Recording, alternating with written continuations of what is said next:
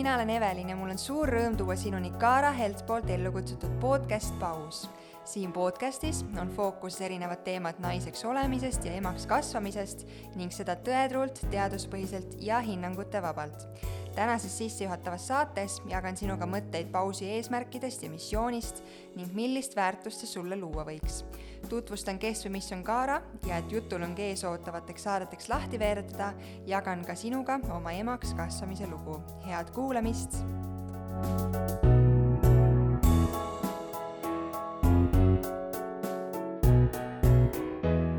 väga-väga põnev on taas istuda siin mikrofoni taga ja sel korral küll üksi, ent juba varsti koos saatekülalistega, et tuua sinuni lugusid ning mõtteid naiseks olemisest ja emaks kasvamisest ja muidugi ilma liigseid raame seadmata ma võin juba praegu öelda, et kindlasti tuleb juttu lastest, meestest ja isadest ka.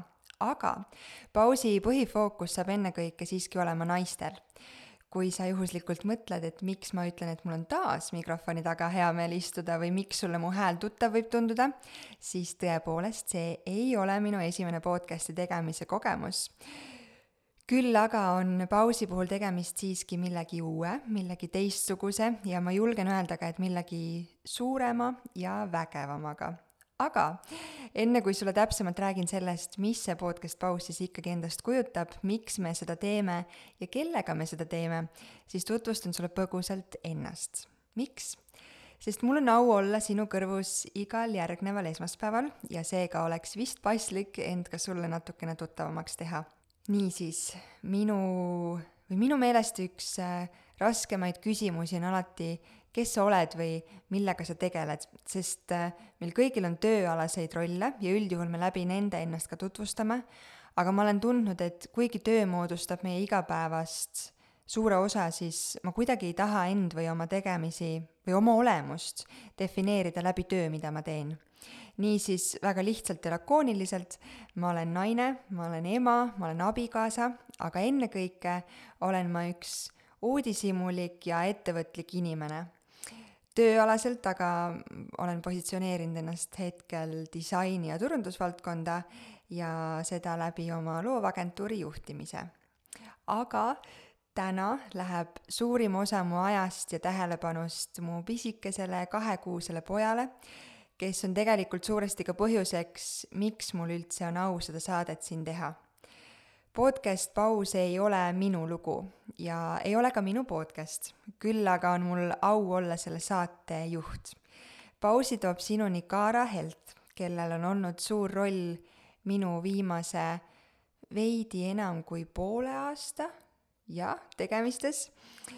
ja ja kui sa mõtled, mis see Kaara on, siis Kaara Health on tervishoiu ja tehnoloogia idufirma ning kui minu kogemus Kaaraga sai alguse rasedate joogast, rasedusaegsest massaažist ning mõnest perekooli loengust, kus ma koos abikaasaga osalesin, siis tegelikkuses on Kaara midagi oluliselt suuremat ja vägevamat, mis ma loodan, et ilma igasuguse liialduseta muudab väga paljude naiste, aga ka perede elu Kaara missioon on aidata rasedatel naistel ja nende peredel tunda end paremini toetatuna ning juhendada neid lapsevanemaks saamise üleminekul, seda läbi uuenduslike ja professionaalsete tervise- ja heaoluteenuste. nii nagu Kaara, nii on ka Paus pühendanud naiste heaolule ja meie eesmärgiks on julgustada naisi enda eest hoolt kandma, enda eest seisma pakkuda endale ja oma kehale parimat ning teha seda kõike austusega enda ja meid ümbritseva vastu. ja seda tehes on meil kolm vankumatut põhimõtet. teha seda tõetruult, teaduspõhiselt ja hinnangute vabalt. kuigi kogemustel ja nende jagamisel on väga suur mõju ning pausi saatekülaliste seas saab kindlasti olema mitmeid inspireerivaid naisi, kes just oma lugu jagavad, siis nende seas on meie sooviks tuua sinuni ka spetsialistide ja oma ala professionaalide mõtteid. Püüame kogu Kaara tiimiga luua podcast'i, mis looks sulle väärtust, aga oleks samas ka meelelahutuslik, hariv ning põnev. Kui äh, varem podcast'i tehes kirjutasid mulle tihti kuulajad, äh, kuidas nad beebilõunaunu ajal vankriga jalutades ja saateid kuulates inspiratsiooni koguvad, siis täna oma beebiga jalutades saan ma kõigist neist sõnumitest viimaks nii hästi aru. kusjuures ühel esimestest sellistest jalutuskäikudest oma tutika beebiga, samal ajal otsides podcast'i, mida kuulata, viskasin ma enda sees õhku ühe mõtte ja et kui tore oleks kunagi taas podcast'i teha ja nagu sa näed, siis miskil vägevamal on kombeks meie mõtteid vahel pealt kuulata, sest Kaara tiim kirjutas mulle pelgalt mõni nädal hiljem potentsiaalse podcast'i ideega, nii et tundub, et tasub unistada. aga kui ma ütlesin, et paus ei ole minu lugu ega minu mõtted eh, ja keskendume edaspidi külaliste lugudele, siis selleks, et see podcast sisse juhatada, jutulõng lahti veeretada, jagan ma täna hoopis enda emaks kasvamise lugu. ma usun, et naine ei saa momentaalselt emaks sel hetkel, kui rasedustest kahte triipu näitab või kui laps sünnitustoas või kodus või kuskil mujal rinnale pannakse. Ma usun, et emaks saamine toimub kogu selle protsessi vältel kasvades, nii last oodates, tema sündides kui, kui ka edasi teda kasvatades niisiis, ma jagan sinuga oma emaks kasvamise lugu või vähemasti selle algust. ma olen alati soovinud emaks saada ja ma mõtlesin pikalt tänaseks saateks valmistudes, et miks või millest see sügav soov mul üldse tulnud on. aga kui aus olla, siis ma vist ei olegi osanud seda välja mõelda või sellele vähemalt üht konkreetset vastust anda. ma olen lihtsalt alati tundnud, et ma soovin oma pisikest inimest, kellele eeskujuks olla keda kaisutada ja kallistada, keda jäägitult armastada ja keda tema unistuste täitmisel toetada. ma olen alati uskunud, et minust saab hea ema ja ma olen alati teadnud, et mu abikaasast saab parim isa. samas ähm, selle juures võib kõlada isekalt, aga ma olen alati tahtnud tunda ka seda tunnet, mida tähendab kanda last, mis see tähendab, et sinu sees kasvab teine teine inimene. Ma ei ole muretsenud hetkegi selle pärast, kuidas mu keha muutub, kas sellega kaasneb, ma ei tea, lodevam nahk või triibuline kõht või rinnad. sellised asjad tundusid mulle nii tühised selle suure kogemuse kõrval, mis on uue elu loomine. ja kuigi ma olin oma soovis kindel juba aastaid ja unistasin emaks saamisest, siis oma tugevalt ratsionaalse meelega ootasin ma pikalt seda õiget hetke aga näed, ei tule ilmselt kellelegi üllatusena, et seda õiget hetke pole kunagi olemas ja seda võibki ootama jääda.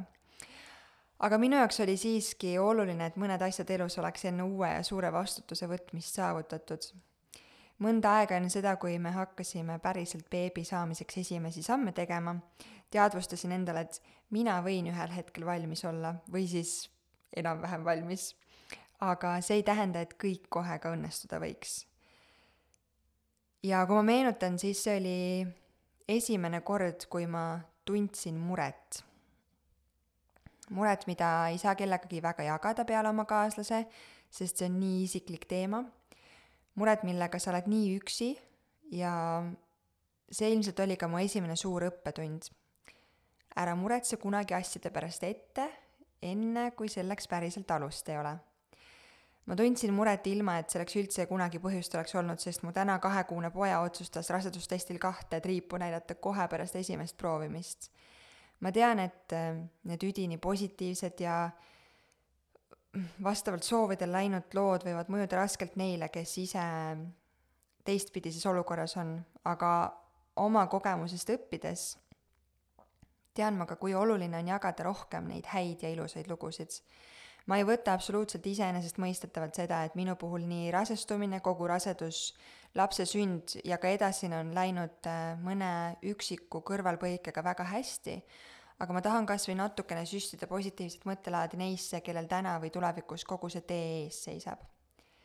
nagu ma ütlesin, siis kogu mu rasedus kulges hästi, ma tundsin end pea sünnituseni välja suurepäraselt, mu tervis oli hea mul õnnestus tõmmata lotoga see superpilet, millega ei kaasnenud esimesel trimestril isegi iiveldust.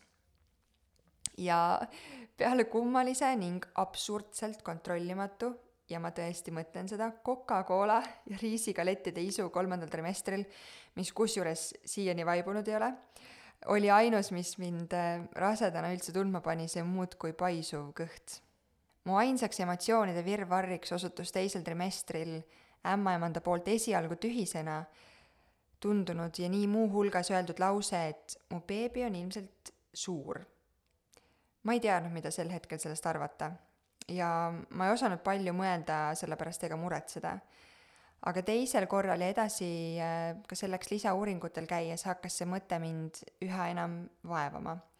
Ja ma pean siinkohal ütlema, et ma olen alati usaldanud meditsiinitöötajaid ja ma pole kunagi saanud ka ühtki kogemust, mis mind oleks nende pädevuses kahtlema pannud, aga see teema keerlemine liiga suure beebi ümber pani mind ikka korduvalt kulmu kergitama, sest mu enda sisetunne oli lihtsalt nii, nii tugev, et kõik on hästi. mina olen pikk, mu abikaasa on pikk ja ju siis mu poja on ka lihtsalt. See, kui keegi tungivalt su sisetunnet proovile tahab panna, on ausalt öeldes karmim katsumus, kui ma oleksin osanud arvata. igal juhul peeti mu beebit liiga suureks vist kuni kolmekümne kaheksanda rasedusnädalani välja sealjuures hirmutati ennetähtaegse esilekutsumise ja võimalike riskidega sünnitusel, kuni viimases kontrollis ikkagi kõigi näitajate järgi mu beebi täitsa keskmise suurusega beebiks osutus ja mul lasti rõõmsalt sünnituse iseeneslikku algust oodata, mis, kui ma ei eksi, siis üldjuhul seda tehakse kuni nelikümmend pluss kaks nädalat aga minu poeg sündis kaks päeva peale eeldatavat sünnitähtaega, nii et liiga kaua ta ennast enam oodata ei lasknud. ja seda kõige imelisemal, võimsamal moel äh,. täpselt nii, nagu ma olin soovinud ja unistanud. ilma sekkumisteta, ilma valutustamismeetoditeta, kiirelt ja absoluutselt parima toe ning hoole keskel oma ämmaemanda ja abikaasa poolt ma ütleks, et kokku saatis mind kogu lapse saamise protsessi juures mm, kolm negatiivset hetke või õigemini mure. esimene, nagu rääkisin, siis kas ma üldse saan rasedaks jääda, teine, kas mu beebi on liiga suur ja kolmas, see jõudis kohale alles kolm või neli päeva peale lapse sündi. miski, mida ma absoluutselt ei oodanud ma tundsin esimesest hetkest oma sündinud lapse vastu tohutut armastust ja kiindumust ja kuigi ma tean, et see ei pruugi üldse nii olla ja see on ka normaalne, kui see nii ei ole, siis minu puhul see tõesti oli nii, et ma esimesest hetkest, kui laps mu rinnale pandi, ma armastasin nii, nii tohutult teda. aga mõned päevad pärast sünnitust ja koju jõudmist valdasid mind tunded, mida mul on ausalt öeldes väga raske tunnistada, sest ühel ja samal hetkel ma armastasin nii tohutult oma poega ja samas voolasid suured kontrollimatud pisarad tundide viisi mu põskedelt alla, sest ma soovisin justkui oma eelmist elu tagasi. Muidugi ma olin lugenud sünnitusjärgsest emotsioonide möllust, mida hormonaalne tasakaal või siis õigemini selle muutumine ja puudumine sel hetkel tekitab, aga et see nii tugevalt ja allumata igasugusele kontrollile jalust nii maha võib rabada, oli minu jaoks väga ootamatu. paar päeva kõige karmimaid emotsioone, et siis taas oma õnne ja armastuse mulli keskele sulanduda. mu teine õppetund, kõik raske möödub. ma olen alati teadnud, et ma soovin vähemalt kahte last ja kui sünnitustoas viimaseid jõupingutusi äh, viimasteks pressideks kokku kogudes, ma mõtlesin veel oma peas, et äkki ikka ühest piisab siis järgmisel päeval olin ma juba täiesti veendunud, et ma olen seda valmis kõike kordama. Ja pidage mind nii kummaliseks kui tahes, aga kuigi ma naudin täna igat hetke oma beebiga, siis ma tõesti ootan põnevusega ka tulevikku, et seda kõike taas kogeda. jah, ma igatsen suurt kõhtu, ma igatsen neid kukerpallitamisi ja kannahoope ribide vahele ja ma igatsen seda võimsat tunnet, mida lapse kandmine minus tekitas aga see ei tähenda, et ma tänaseid hetki kuidagi vähem naudiks, ma tõesti naudin sajaga. Need tänaseks kaks kuud emana on õpetanud mulle väga-väga palju. õpetanud seda, kui armutu on aeg, seda, kui suur võib olla armastus, seda, et ükski hetk ei kordu iial ja ma olen õppinud, et ükskõik, mis esmapilgul tundub tähtis, võib olla täiesti tähtsusetu. ja ma olen õppinud ka, et kui palju mul on veel õppida. Kogu oma lugu kokku võttes ja oma kogemustele toetudes soovin ma väga koos Kaaraga luua podcasti, milles jagada neid teadmisi, tõsta seda teadlikkust, julgustada, innustada ja toetada naisi mitte ainult raseduse ega sünnituse teemadel, vaid üldiselt kõigest, mis kaasneb naiseks olemisega. et sa ei tunneks ennast halvasti või muretseksid lihtsalt sellepärast, et sul puuduvad vastavad teadmised või keskenduksid liigselt millelegi, mis pole üldse oluline. Nii palju, kui on erinevaid inimesi, on erinevaid kogemusi ja lugusid ning me anname endast parima, et edaspidi koos külaliste, inspireerivate naiste, spetsialistide ja professionaalidega avada siin saadetes mõtteid ja lugusid, mis aitaksid sul luua endale paremat elu, rohkem teadmisi ning viia sind elus edasi. ma väga loodan, et sa leiad neist saadetest endale midagi, mis sind kõnetab ja kui seda teed, siis jagad neid saateid ka oma tuttava või sõbrannaga, kelle puhul sa näed, et paus võiks ka talle väärtust luua sest nagu ma ütlesin saate alguses, siis meil on seda podcast'i tehes kolm vankumatut põhimõtet. teha seda tõetruult, teaduspõhiselt ja hinnangute vabalt. mina tõmban aga tänaseks oma jutu otsad kokku, tõmban natukene hinge ja sätin esimesele saatekülalisele mikrofoni valmis, et sa saaksid juba varsti võtta endale selle pausi, et meiega uutel ja põnevatel teemadel kaasa mõtiskleda uusi saateid võid oodata igal esmaspäeval ja kui sa juba ei jälgi, siis tule viska pilk ka podcast Paus kontole Instagramis. tšau!